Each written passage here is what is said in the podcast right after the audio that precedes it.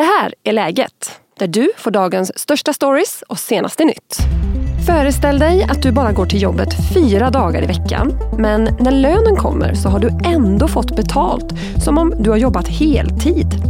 Förkortad arbetsvecka är på tapeten då det ser ut som att Socialdemokraterna vill göra arbetstidsförkortning till en valfråga 2026. Detta låter säkert som en dröm för många, men hur skulle vi påverkas egentligen? Och idag presenterade regeringen sitt kanske mest omstridda lagförslag, nämligen det om så kallade visitationszoner, där polisen ska ha rätt att visitera vem som helst utan någon specifik brottsmisstanke. Alla som bär Gucci Coupé-kepsar är inte gängkriminella, men många gängkriminella bär Gucci Coupé-kepsar. Jag heter Elin Fredriksson. Hej Göran Käcklund! Hej hej!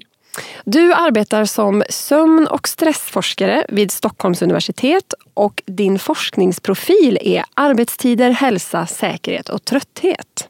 Stämmer bra. Vad är dina tankar kring förkortad arbetstid?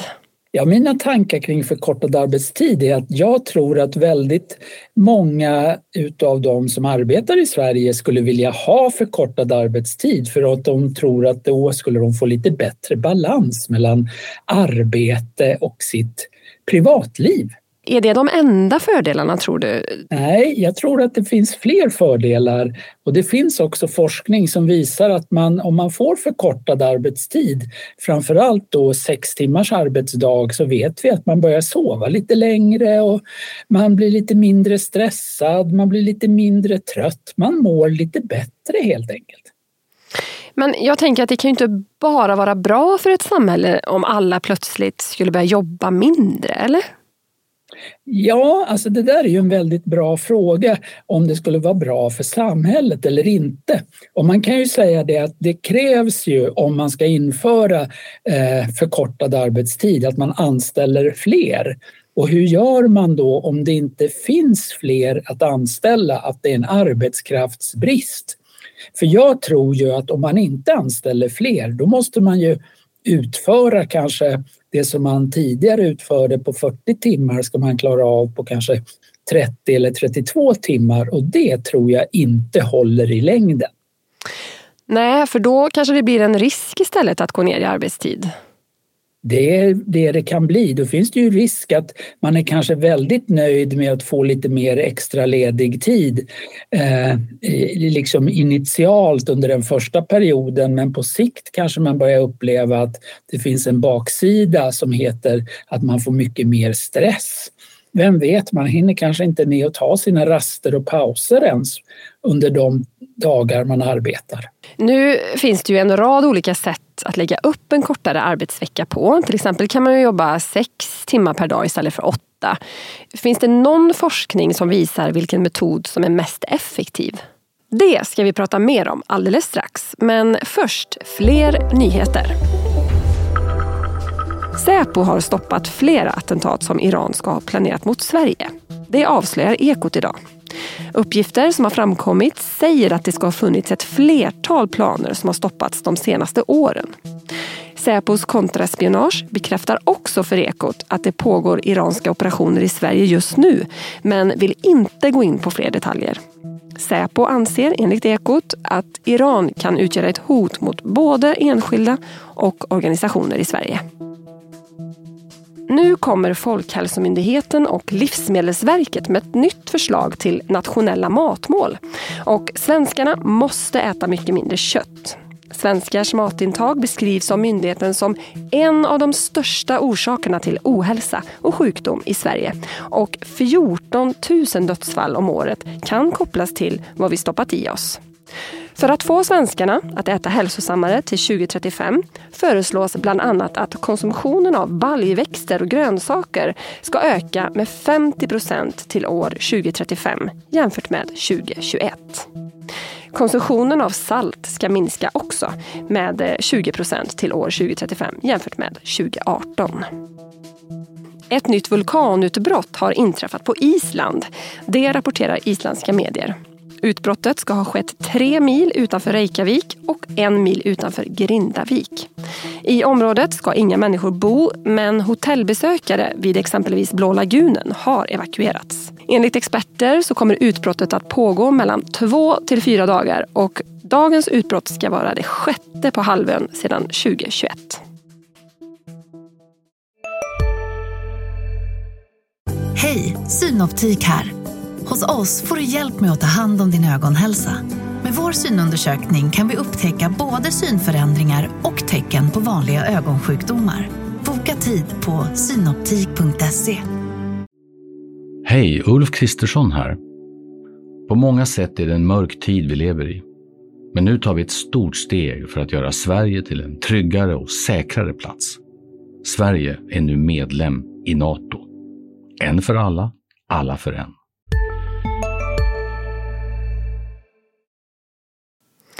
Vi pratar om förkortad arbetsvecka här i läget och det gör vi med forskaren Göran Käcklund. Ja, Göran, finns det någon forskning om vilken metod som skulle vara mest effektiv om man skulle införa förkortad arbetstid?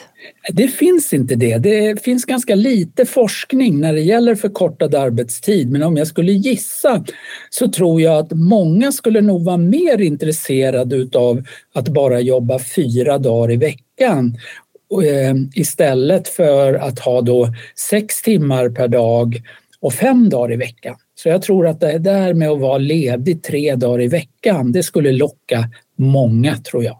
Det skulle väl inte funka för alla arbetsgrupper att eh, ha en kortare arbetsvecka? Nej, det tror jag du är inne på någonting viktigt där och det är klart att man måste ta hänsyn till verksamhet och jag kan tänka mig att det finns verksamheter där man faktiskt måste ha att alla, eh, man måste kunna erbjuda service och man måste kunna utföra arbete under åtminstone fem dagar i veckan, kanske till och med alla dagar i veckan om det handlar om vård och sådana här saker.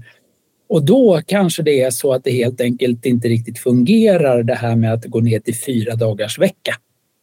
Så vilka arbetsgrupper skulle gynnas bäst då tror du av förkortad arbetstid? Jag tror att de som skulle gynnas bäst är ju de som har det ganska besvärliga arbetsvillkor med mycket stress och hög arbetsbelastning. Jag tror att de skulle må väldigt bra av att få lite extra återhämtningstid. Men varför skulle då arbetsgivaren gå med på det här? Ja, det är också en väldigt bra fråga. Vad finns det för fördelar för arbetsgivaren? Och då kan man väl säga en fördel skulle ju kunna vara att man gör sitt arbete lite mer attraktivt och får kanske lättare att rekrytera. Det kanske också är så att man ändå faktiskt skulle kunna få liksom, eh, hur ska vi säga, att det kan finnas fördelar i form av eh, att personalen är lite friskare kanske, inte sjuka så mycket, kanske lite mer motiverade och sådana saker. Och det är ju saker som skulle gynna arbetsgivaren. Men det är klart att arbetsgivaren riskerar ju också att stå där med en extra kostnad i form av att man måste anställa mer personal. Ja, och du är ju ingen ekonom, Göran, vad jag vet. men, det stämmer det. Men har du någon aning om vad det här skulle liksom kosta ett samhälle att genomföra?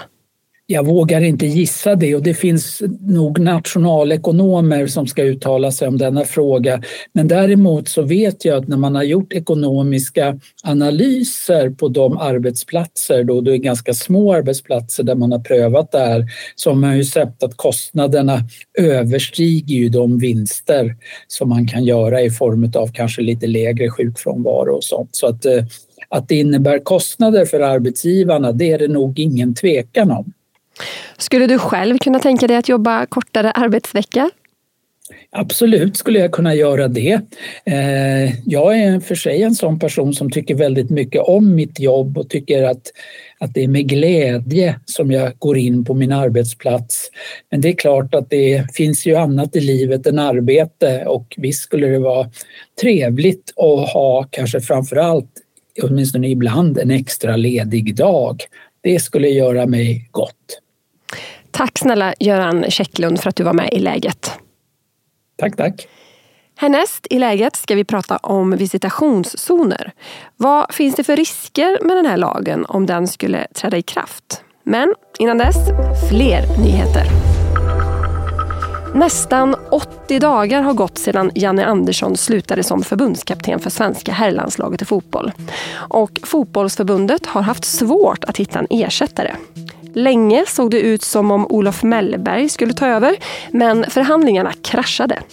Men nu kanske en lösning är på gång. Enligt uppgifter till Aftonbladet ska det stå mellan Jon Dahl Tomasson och Jens Gustafsson och att någon av dem kommer att erbjudas jobbet. Idag presenterade regeringen sitt lagförslag om så kallade visitationszoner. Det är ett förslag som är ett av Tidöpartiernas mest omdiskuterade för att bekämpa gängkriminaliteten. Och med mig i studion nu har jag en av Expressens nyhetsreportrar, Elin Jönsson, som eh, tidigare idag var på plats vid regeringens pressträff. Hej Elin! Hej tillbaka Elin! Ska du Elin börja med kort att förklara bara vad visitationszoner är för något? Mm. Så inom i den här zonen som alltså är helt geografiskt begränsad och, och även tidsbegränsat, under två veckor alltså ska den här säkerhetszonen gälla. Helt enkelt en plats där polisen får kroppsvisitera och även leta i fordon. Och varför vill då regeringen införa såna här zoner? Ja, man vill ju helt enkelt snäppa upp lagen lite nu och prova någonting man inte har förut provat i Sverige. Man får ju som sagt visitera folk men nu vill man alltså kunna ta det ett steg längre som då är ett försök att ta till ett verktyg för att stoppa just skjutningar och sprängningar som vi har sett så mycket den senaste tiden. Så hur ska såna här visitationer gå till då? Det är helt enkelt helt upp till polisen att bedöma. Det kan ju gå på ja, vart i området man är eller också hur personer ser ut som vi hörde idag under pressträffen. Och det är baserat på det som polisen tar besluten vem de ska visitera eller stoppa i ett fordon. Så vad krävs då för att en polis ska få visitera en person? Alltså vad är det polisen kommer gå på? Eller vad säger? Ja precis, det är väl det här som är då ändå relativt oprövat eller där man är väldigt eh, orolig för att det kan uppstå rasprofilering eller diskriminering. Men man nämnde ändå på pressträffen att det hör mycket till till exempel hur man klär sig. Så någon slags eh, suspekt klädstil ska ändå kunna ingå i det här och polisen ska kunna basera sina beslut på det. Anser man att det finns några risker med att införa den här typen av visitationer? Den stora delen av kritiken är ju alltså att man tror att det finns för stora risker för eh, rasprofilering. Och man varnar väldigt mycket från det från flera håll. Diskrimineringsombudsmannen, justitiekanslern och även Civil Rights Defenders. Och att det är alltså för stora risker mer än polisen anser att de behöver stoppa helt enkelt. Och att det här kan leda till väldigt helt enkelt oacceptabla risker för just diskriminering. Gunnar Strömmer han har ju fått kritik för hur han har hanterat det här förslaget. Han har till och med blivit KU-anmäld två gånger för just det här. Eh, vad sa han om det?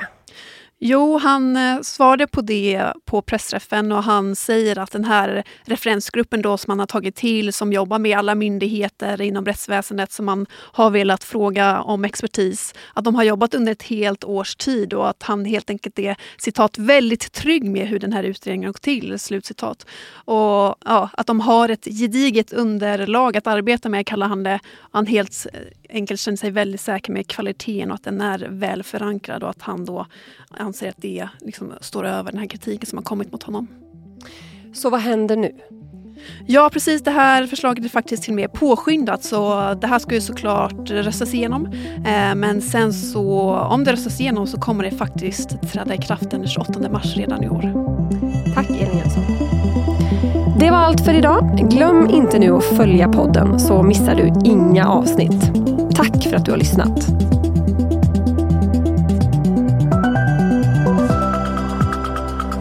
Du har lyssnat på en podd från Expressen. Ansvarig utgivare är Klas Granström.